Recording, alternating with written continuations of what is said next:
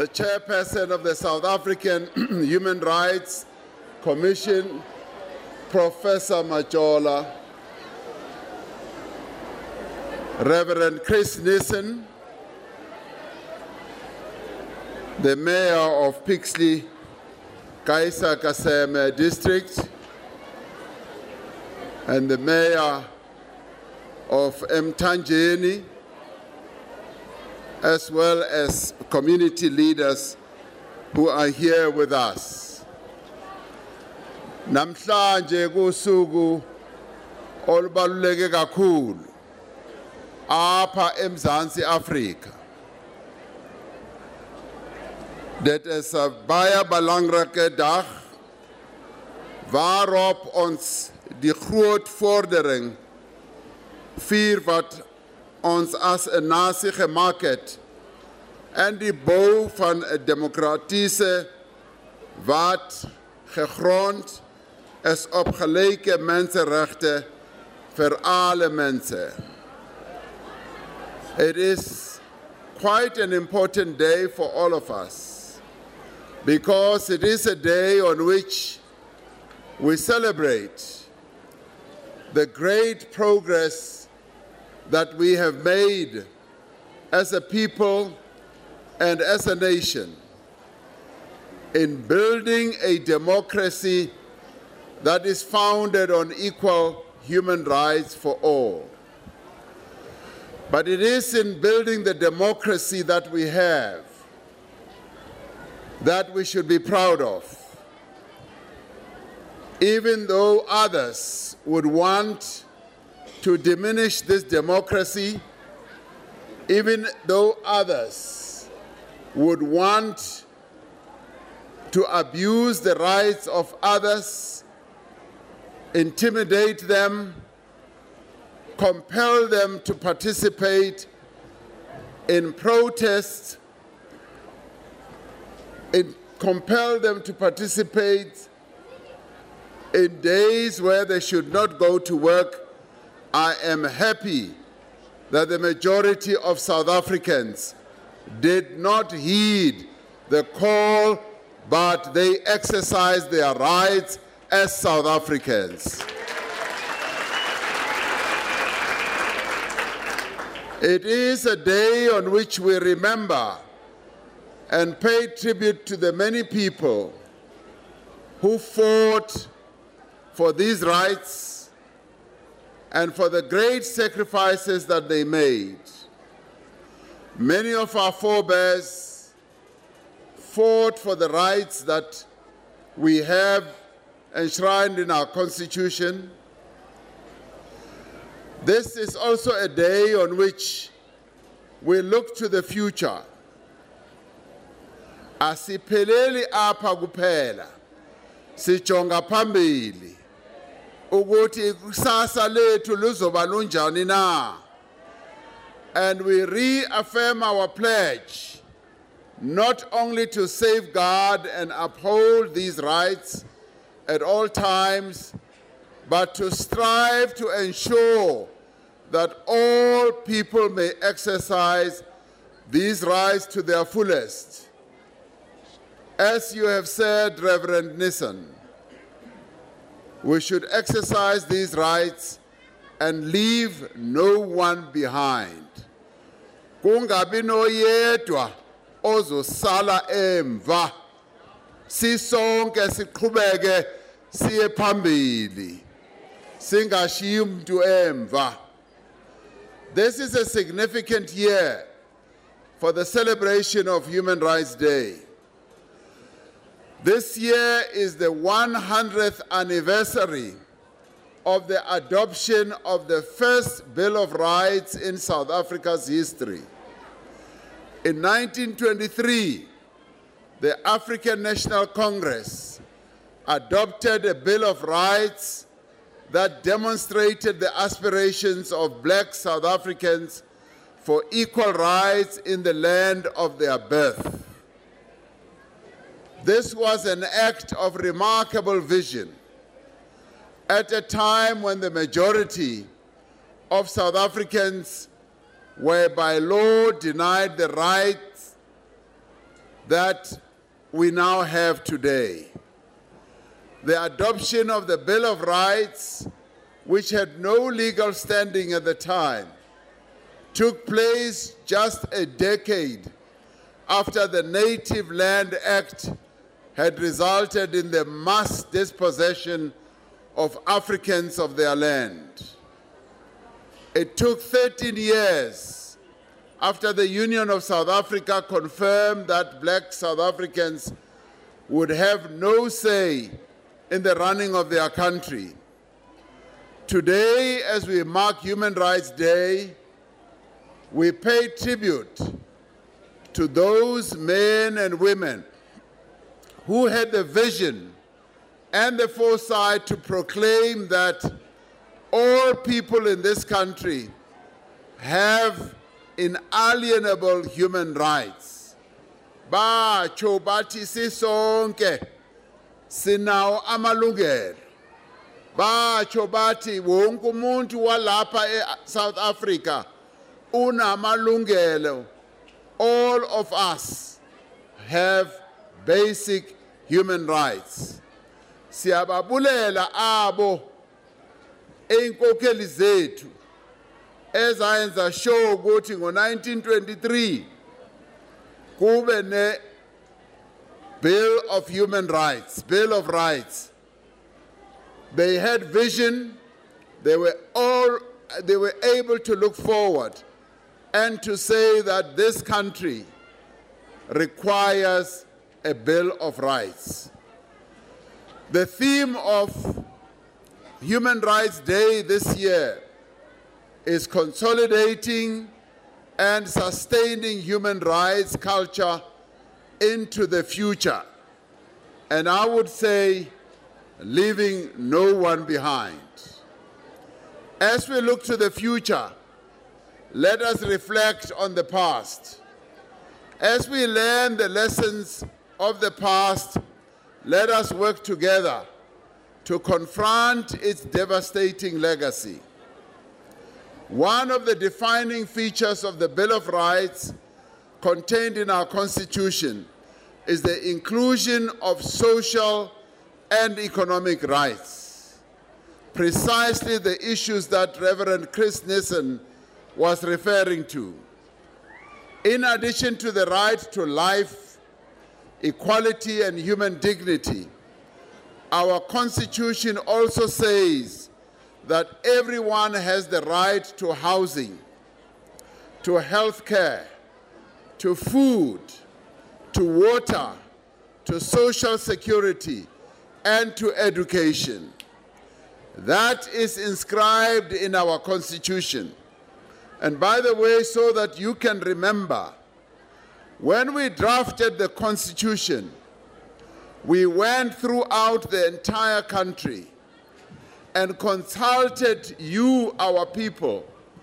In the end, it was the people of South Africa who said, We want a constitution, the supreme law of the land must talk about these very needs that we have. It must talk about education. It must talk about housing. It must talk about health care. It was you who required that your constitution must include socio-economic rights. And today we have such a constitution. Why do we have it? We have such a constitution so that the government of the day must always remember that in whatever it does, it must put the needs of the people of South Africa topmost in their minds. The Constitution says the state must take reasonable measures within its available resources to achieve the progressive realization of each of these rights. So it is therefore about the state, the government, always taking steps to make sure that these rights are realized. Premier Zamani Saul, sitting next to me here, Last year, when I was here, he said to me, President, we need almost 80,000 houses here in the Northern Cape. We need to build many schools here in the Northern Cape. And he said, if we go on the basis of what the national government treasury allocates to us, it will easily take us a hundred years before we have all these things that the people of Northern Cape need. And then he and I started talking about ways in which we could find funding methods to ensure that, yes, there are more clinics built, there are more houses built, and so forth. So we've been in discussion with Treasury to say how best can this be done. And he's just reported to me that those discussions are about to reach good conclusion so that we can fund the building of houses, we can fund the building of clinics. And yes, he even told me that Sanral, the one that repairs and installs our roads, because the roads here in the Northern Cape are being damaged by the mining trucks on an ongoing basis. Sandral has agreed that it is going to invest the building of our roads and it's going to invest billions of rands starting now going forward to repair the roads of our of our province here. So progress then is being made from the idea of ensuring that what is set out in our Bill of Rights, houses, health, clinics, and even repairing our roads will now be done through the various ways of funding that uh, we spoke about last year. This, as the Constitution says, must be realized on an ongoing basis. The Bill of Rights also guarantees the right to property and says the state must work to ensure that citizens have equitable access to land. This property clause makes provision for land reform, for land restitution, and security of tenure to redress the results of past racial discrimination. This clause would no doubt be welcome by people who drafted the 1923 Bill of Rights, who declared that all Africans have, as the sons of this soil, the God given right to unrestricted ownership of the land, in this, the land of their birth. Since the advent of democracy, since 1994, successive administrations have done much to ensure that there is progressive realization of these rights for all South Africans. The expanding provision of basic services to households has been one of the most important interventions to improve the lives of all South Africans. According to Stats SA, access to water and sanitation, electricity, housing and other services like waste removal, has increased steadily over the last three decades. We must remember that we used to live in a country where only white people had the best of everything, where they had the best houses, where they had the best schools, where they had the best clinics, the best hospitals. Now the democratic government has had to include everyone. It has had to ensure that all our people enjoy the rights that are set out in our Constitution. And today, the administration, the sixth administration, and previous administrations keep on making efforts to make sure that, yes, our people get basic services. And we will admit that because the task is huge, much bigger than what the apartheid government had, and it costs much more money than what the apartheid government had to do to care for a minority of white people. Our government, the various administrations since Utatu Nelson Mandela, have been making efforts to ensure that our people do get the rights. Around 2 million households, indigent households, today receive free basic water, free basic electricity, and free solid waste removal.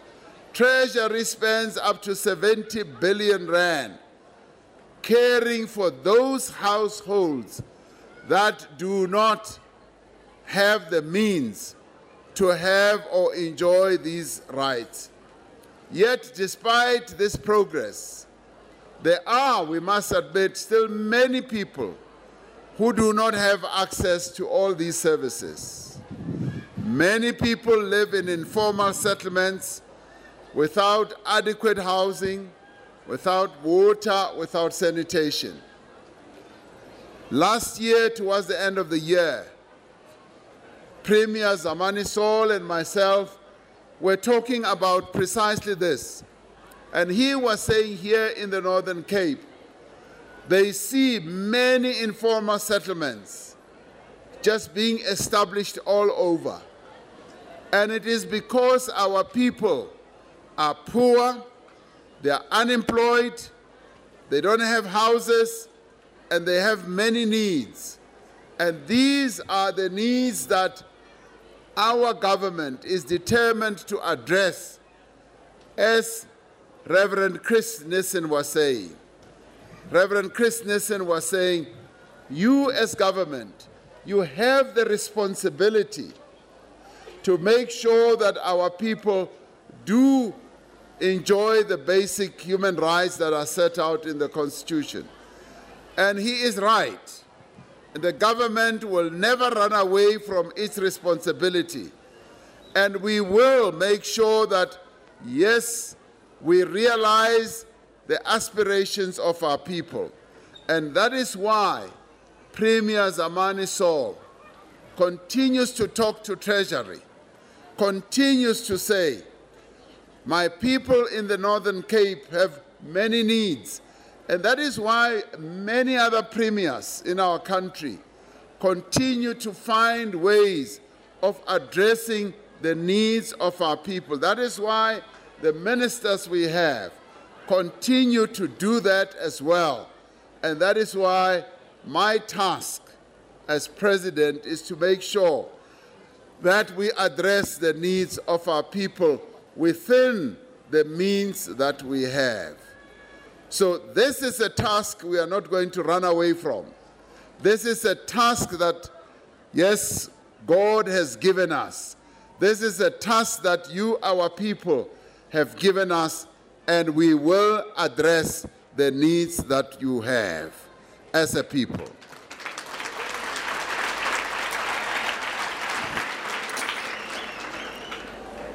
We know very well that in some of our municipalities, the provision of these services that I'm talking about, the provision of the services is unreliable. There are times when water is not provided or is of a poor quality or where refuse and waste is not collected. The failure to provide adequate services cons consistently is a human rights issue.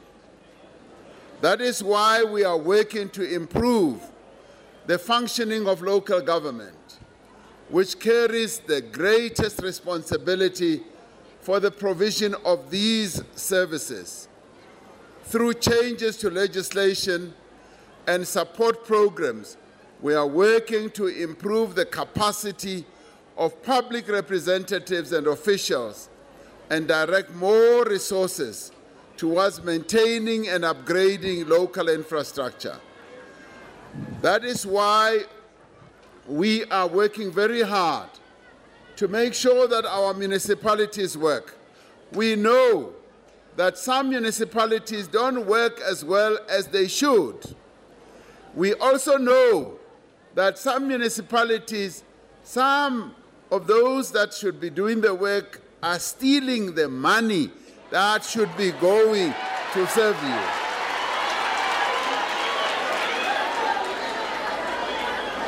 We know ons weet dat 'n paar van die mense wat in die munisipaliteit werk is baie lei.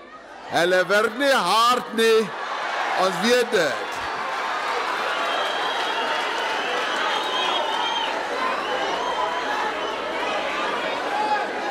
Siyakwazi konke lokho. That is why sithi singuhulumeni umas omasipala aba bethu sizawuyenza zonke indlela ukuthi sibalungise lihlala ndithi abo abayeba imali bazawubotshwa Those who steal money, we will make sure that they get arrested. And abo abangazimiselanga, those who are not prepared to work and serve the people, they must go. Mabamke. Baphume, baphume ngomnyango okanye baphume ngefestere. Want ons wil hê dat al onze mense, all our people must be well served. Because you know, today is Human Rights Day. Just these services, and I do want everyone who works to, to serve our people must know that when we don't do our work, we are violating the human rights of our people. If you don't serve our people well, whether it's in a clinic, whether it's in a hospital, whether it's in a mas- ma- uh, municipality, if you don't serve our people well, you are violating their human rights.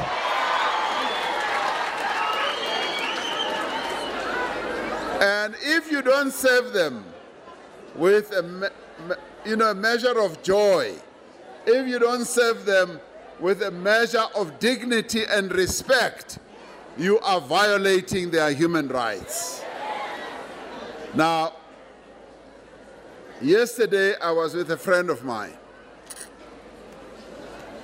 This friend of mine tells me I'd gone to see him because he was in hospital. So he came out of hospital and he said he had one of the most horrible experiences in hospital. And I said, What was that? He said he was having great difficulty himself and needed help. And there was a nurse, a nurse who said, I'm not going to spend my time helping you. Now, he's the same age as myself. And he says he was so weak, he needed so much help that he had to scream and shout for another nurse to come and help him. And later he told his doctor that when he needed help, this nurse would not serve him. And they've now started disciplinary proceedings against this nurse who refused to serve. Now, I basically said to him, Tomorrow I am going to DR. It's a Human Rights Day, and I think that nurse was violating your human rights by not serving you. Because her job is to serve you, to make sure that you return to a state of health. So that is why I am saying all of us who are in the state sector, all of us who work for government, who are leaders in government, our job is to serve the people of South Africa. That is our job. By signing up to say we will work in government, we are signing up to advance the rights of South Africans. And so, therefore, all civil servants, all of us who are in the state sector, I call upon you, and I'm glad that Minister Kivit is here. I call upon you all to make sure that we serve the people of South Africa to the best of our ability and not violate their human rights. We must serve them with dignity, with respect, and with love. The young lady there was singing about love, love, love. And yes, we must show our people the love that we have in our hearts to serve them. Government recently introduced what we call the green drop and the blue drop reports, which has to deal with uh, provision of water. And this also is about improving our ability to give good services to our people. Now, in terms of these reports, we are now going to be making better interventions in regard to the services, particularly underwater, that we have to make to our people. There are also a number of water infrastructure projects underway to improve the security of supply of water to key areas across the country, including here in the Northern Cape. Another significant intervention against poverty is the provision of social grants, which are the main source of income for about a quarter of our households here in South Africa. Just over 2.5 million people are receiving social grants. Were receiving social grants in 1999.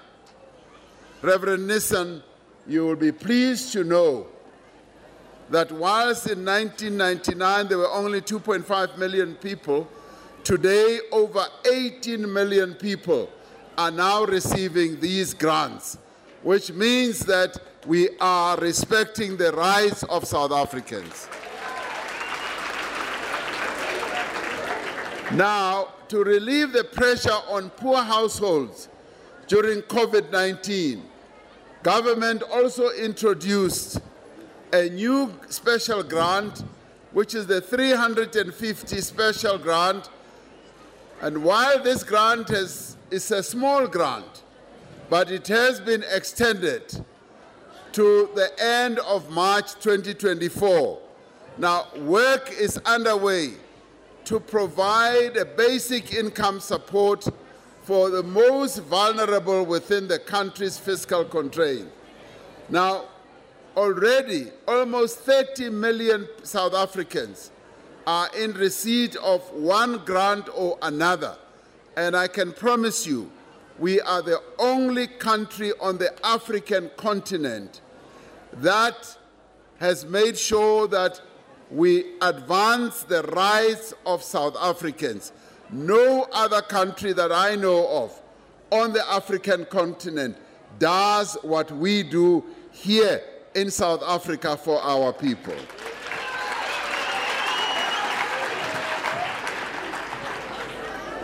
The Bill of Rights says that everyone has the right to a basic education and to a further education, which the state must make progressively available and accessible.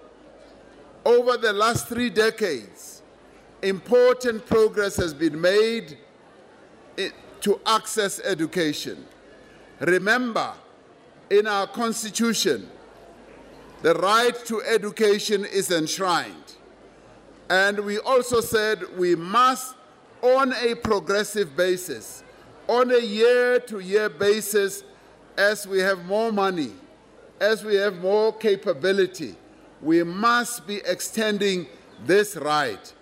Now, to ensure every child gets a solid foundation for social and educational development, government has prioritized early childhood development.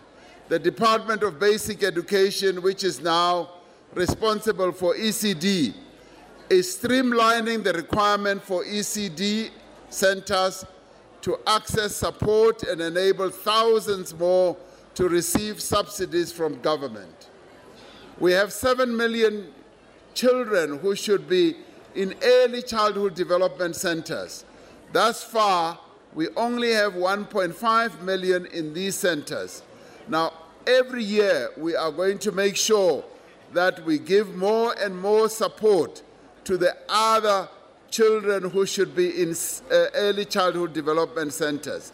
So we are going to be raising this every year. South Africa has a significantly high level of enrollment in basic education.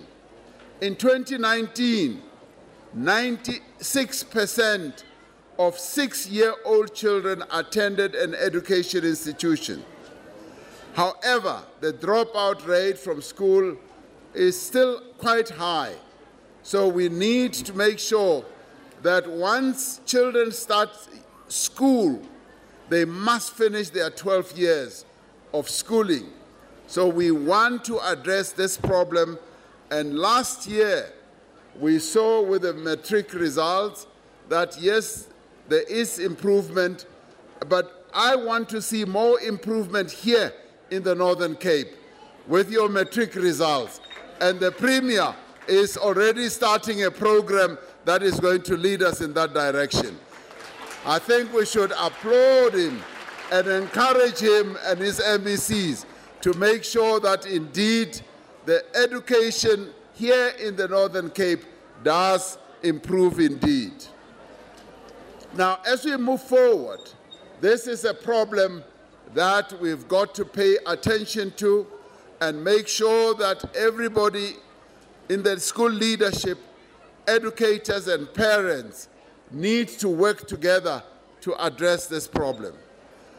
An important intervention to improve school attendance and alleviate poverty was the introduction of a no fee school in poor communities.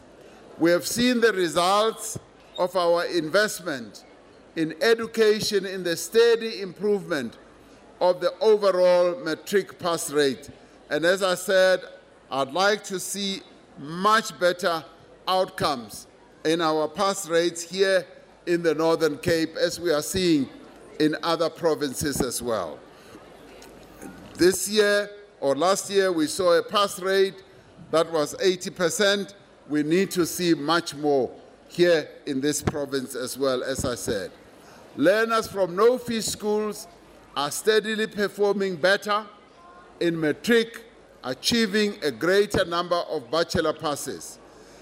As part of a commitment to expand access to higher education for students from poor and working class backgrounds, the number of students that is funded by NSFAS increased from 580 in 2018 to almost 800,000 in 2022. So this is a big improvement. Now, despite this, as we saw in the last few weeks, many students are still experiencing difficulties in funding their studies, in accommodation, in their living expenses. This year, government plans to finalize comprehensive student funding model for higher education. Among other things, this aims to reach those who don't meet the NSFAS criteria but are still unable to afford tertiary education. The Bill of Rights says that everyone has the right to have access to healthcare services, including reproductive health care. Since the advent of democracy, starting with the provision of free health care to children under five years of age and pregnant uh, women, government has made substantial progress in the provision of quality health care, especially to the poor. However, we must say that there is still significant inequality in access to health care. The National Health Insurance Bill, which is currently before Parliament, is meant to correct this state of affairs. The introduction of the NHI will enable every South African to receive quality health care regardless of their ability to pay. Now, there are many who say that the NHI is going to destroy our health care. Right now, many of our people are living under a health system that is destroyed, where they do not have access to quality health care right now. The National Health Care Insurance is meant to correct that. Because, as our Bill of Rights says, and as Reverend Nissen says, leave no one behind. We must be able to treat our people equally so that we can all enjoy the same level of health care. We are preparing for the implementation of the NHI through the National Quality Improvement Plan and putting in place the necessary staff as well as funding. We are improving the quality of care in our clinics through the Ideal Clinic program, using the experience of COVID 19, particularly the vaccination record system. We will introduce an electronic solution to improve the management of health records. If we are to advance and secure these social and economic rights into the future, then we need to tackle poverty and inequality. We need to create employment and economic opportunity. To achieve this, to give us the means to enable progressive realization of all these rights, we need to grow our economy and achieve far greater levels of investment. The work that is being undertaken to increase investment in both economic and social infrastructure is a vital part of the effort to improve the provision of services to all. This includes investments in roads. As you heard Sanral is going to invest in our roads here in the Northern Cape. As you have always heard me, this includes the building of the rural bridges. And this year we are going to build almost 100 rural bridges. This includes building new human settlements, houses. This includes water schemes. And this also in includes expanding our electricity network.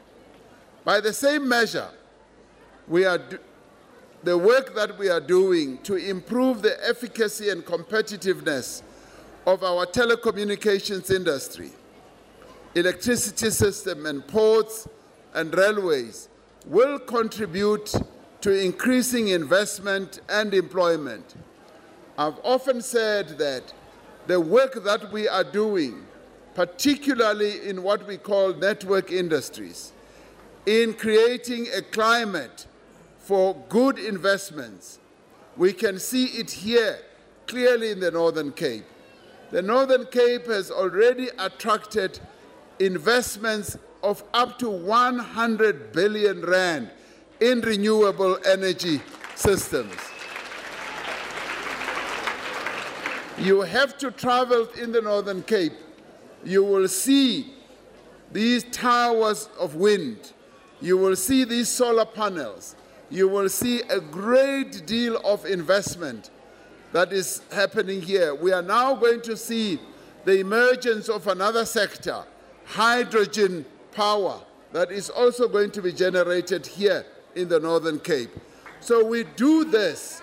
We do this because we want to improve investment and increase the level of employment here in the Northern Cape.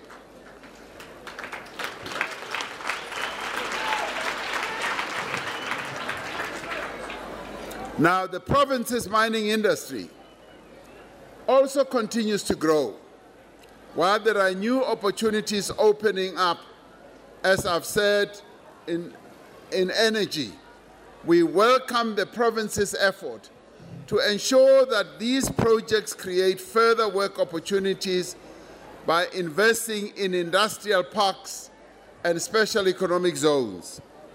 Government has introduced a program like the Presidential Employment Stimulus to create public and social employment opportunities for young people in particular.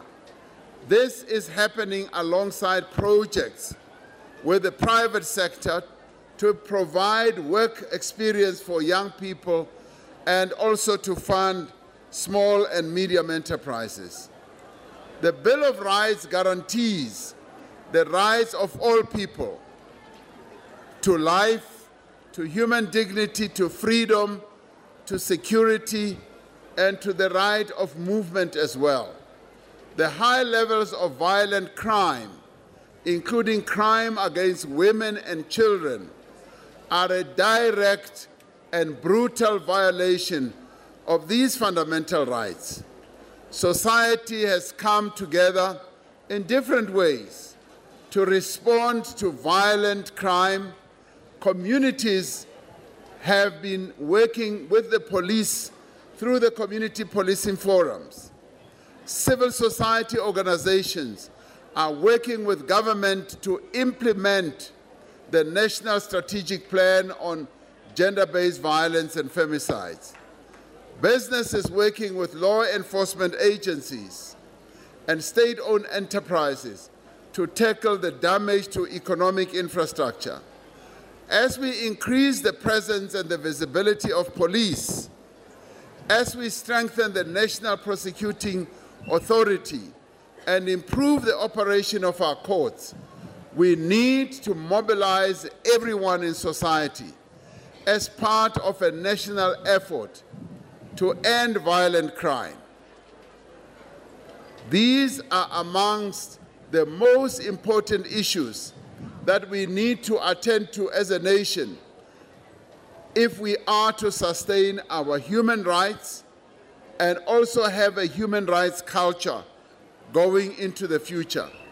We cannot claim to be a country that respects human rights if we do not do everything in our power and within our resources to ensure that all South Africans have access to land, to housing, to food, to water, to healthcare, and to education.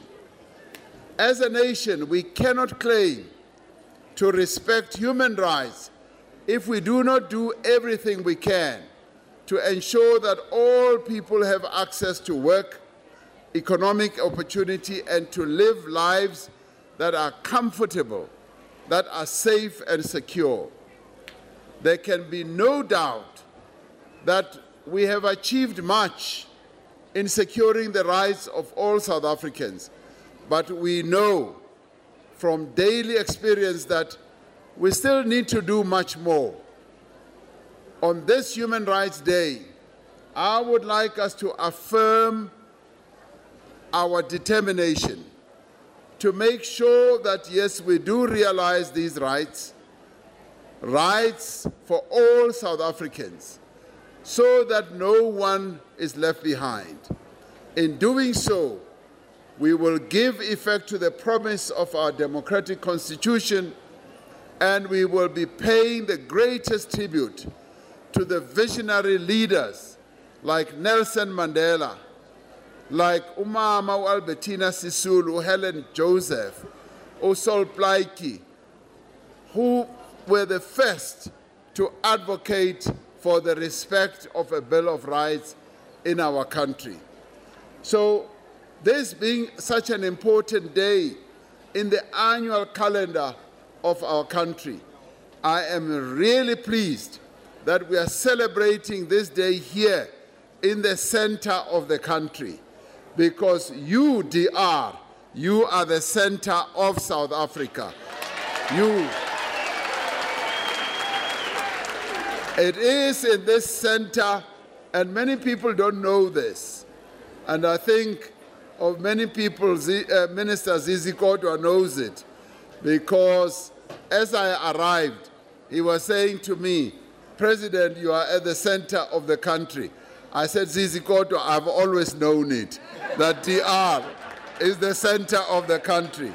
So it is a joy and a real pleasure that today, Human Rights Day, is here in DR, and I wish every South African a happy Human Rights Day, and I wish you all here a happy Human Rights Day here in DR, and thank you very much for being here.